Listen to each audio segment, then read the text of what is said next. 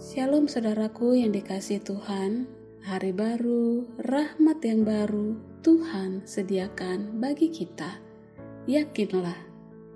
Firman Tuhan hari ini Mazmur 4 ayat 5. Biarlah kamu marah, tetapi jangan berbuat dosa. Berkata-katalah dalam hatimu di tempat tidurmu, tetapi tetaplah diam. Perenungan firman Tuhan hari ini saya kasih judul kalau marah, baiknya gimana? Saudara, tentunya setiap kita pernah marah karena kita masih MB, manusia biasa. Jadi kalau ada di antara kita yang nggak pernah marah, berarti sudah nggak MB lagi. Mungkin MSD, manusia setengah dewa. Dan jujur, saya termasuk orang yang mudah kepancing marah kalau nggak percaya, coba aja saudara.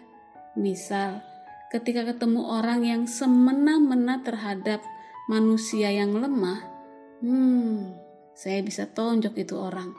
Atau kalau orang yang saya percaya, saya trust, kemudian dia hianati saya, wah saya bakal marah dan langkah nyatanya kalau sudah nggak bisa diomongin, saya mending diemin aja tuh. Istilah saya CTA, cukup tahu aja. Tapi itu dulu, tenang saudara. Terus sekarang bagaimana? Ya masih suka kepancing marah juga sih di hal-hal yang begitu. Tapi sudah lebih jinak lah. Doakan ya saudara supaya bisa lebih sabar, lebih baik lagi.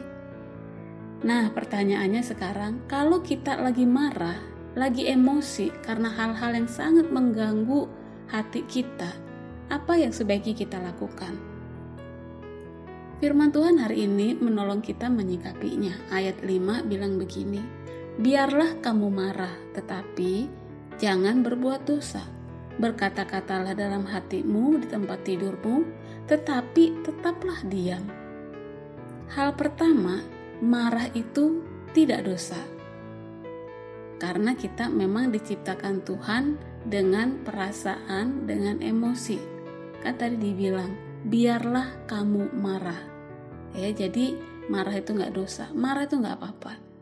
Kita bukan robot yang tanpa emosi dan rasa. Wah lega deh kita mendengar firman ini. Biarlah kamu marah. Tapi kita mesti hati-hati kalau lagi marah yaitu jangan sampai berbuat dosa. Loh dosa apa emang yang bakal terjadi kalau lagi marah? Dosa mulut Iya kan? Kalau kita lagi marah, lagi emosi berat, mulut kita ini pengen keluarin semua perasaan kita lewat perkataan, bukan? Dan kata-kata yang keluar saat lagi marah, pasti kata-kata yang cenderung pedas, menyakitkan, melukai orang yang kita marahi atau orang yang ada sekeliling kita saat itu. Nah kalau gitu, gimana dong caranya supaya kalau lagi marah, kita nggak berbuat dosa mulut? Begini caranya berkata-katalah dalam hatimu di tempat tidurmu. Artinya, mari kita menarik diri sejenak dari situasi panas, masuk ke kamar mungkin, kemudian kita boleh berkata-kata, ngoceh-ngoceh sendiri, tapi dalam hati aja ya. Ya, menarik diri untuk merenung sejenak. Ungkapan kemarahan, kejengkelan, ungkapkan kemarahan, kejengkelan, atau kekecewaan kita kepada Tuhan. Dan kita yakin kalau Tuhan bersedia mendengar itu semua. Setelah itu lebih tenang dan mulai mengerti, bisa mengambil langkah yang lebih tenang, kita bisa melanjutkan apa yang sebaiknya kita lakukan. Ayat 6. Persembahkanlah korban yang benar dan percayalah kepada Tuhan mari kita serahkan semua langkah dan keputusan kita kepada Tuhan.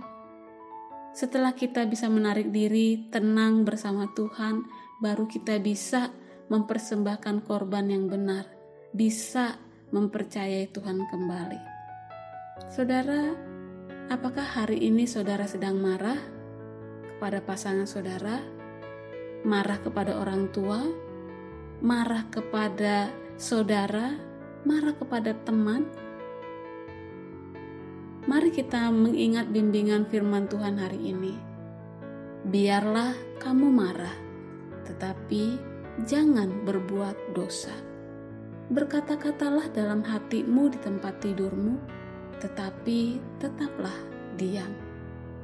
Kiranya Tuhan menolong memampukan kita menyikapi marah emosi yang terjadi dalam diri kita, dan diberkati kita dan dimuliakan Tuhan kita. Amin.